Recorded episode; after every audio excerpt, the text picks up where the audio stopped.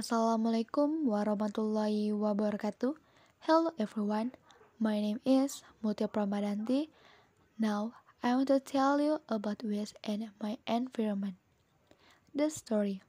Once upon a time, when I was senior high school, especially during craft and entrepreneurship subject course, my teacher, Mr. Wayan Santra, gave material about the waste that is around our environment.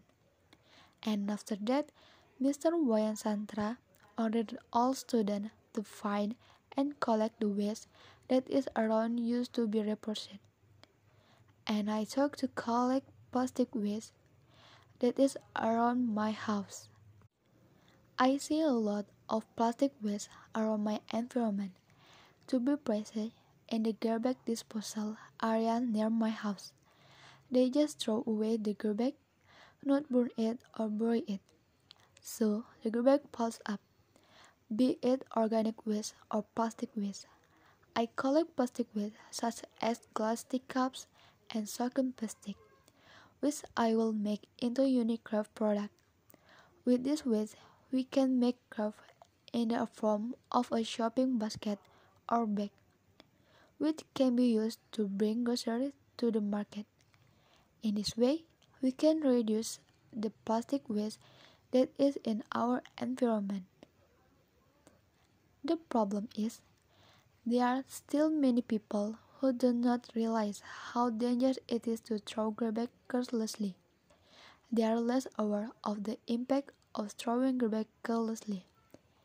Even so, there are so many impacts such as damaging river or sea ecosystem polluting soil and air, causing problem for human health.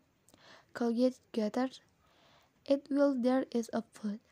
The environment looks dirty and smell, caused by rotting.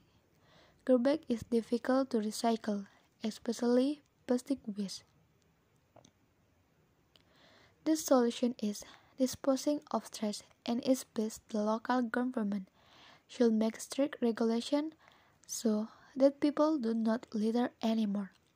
Trash such as bottle can be used as scrap such as flower pots, as a place for writing utensils, and plastic from detergent wrappers can be used as hand scrap such as bag, using tote bag or carrying own basket when shopping, changing plastic straw to stainless straw, starting from yourself you have to get used to throwing garbage in its place. I think enough about waste. Thank you. See you next time and Assalamualaikum warahmatullahi wabarakatuh.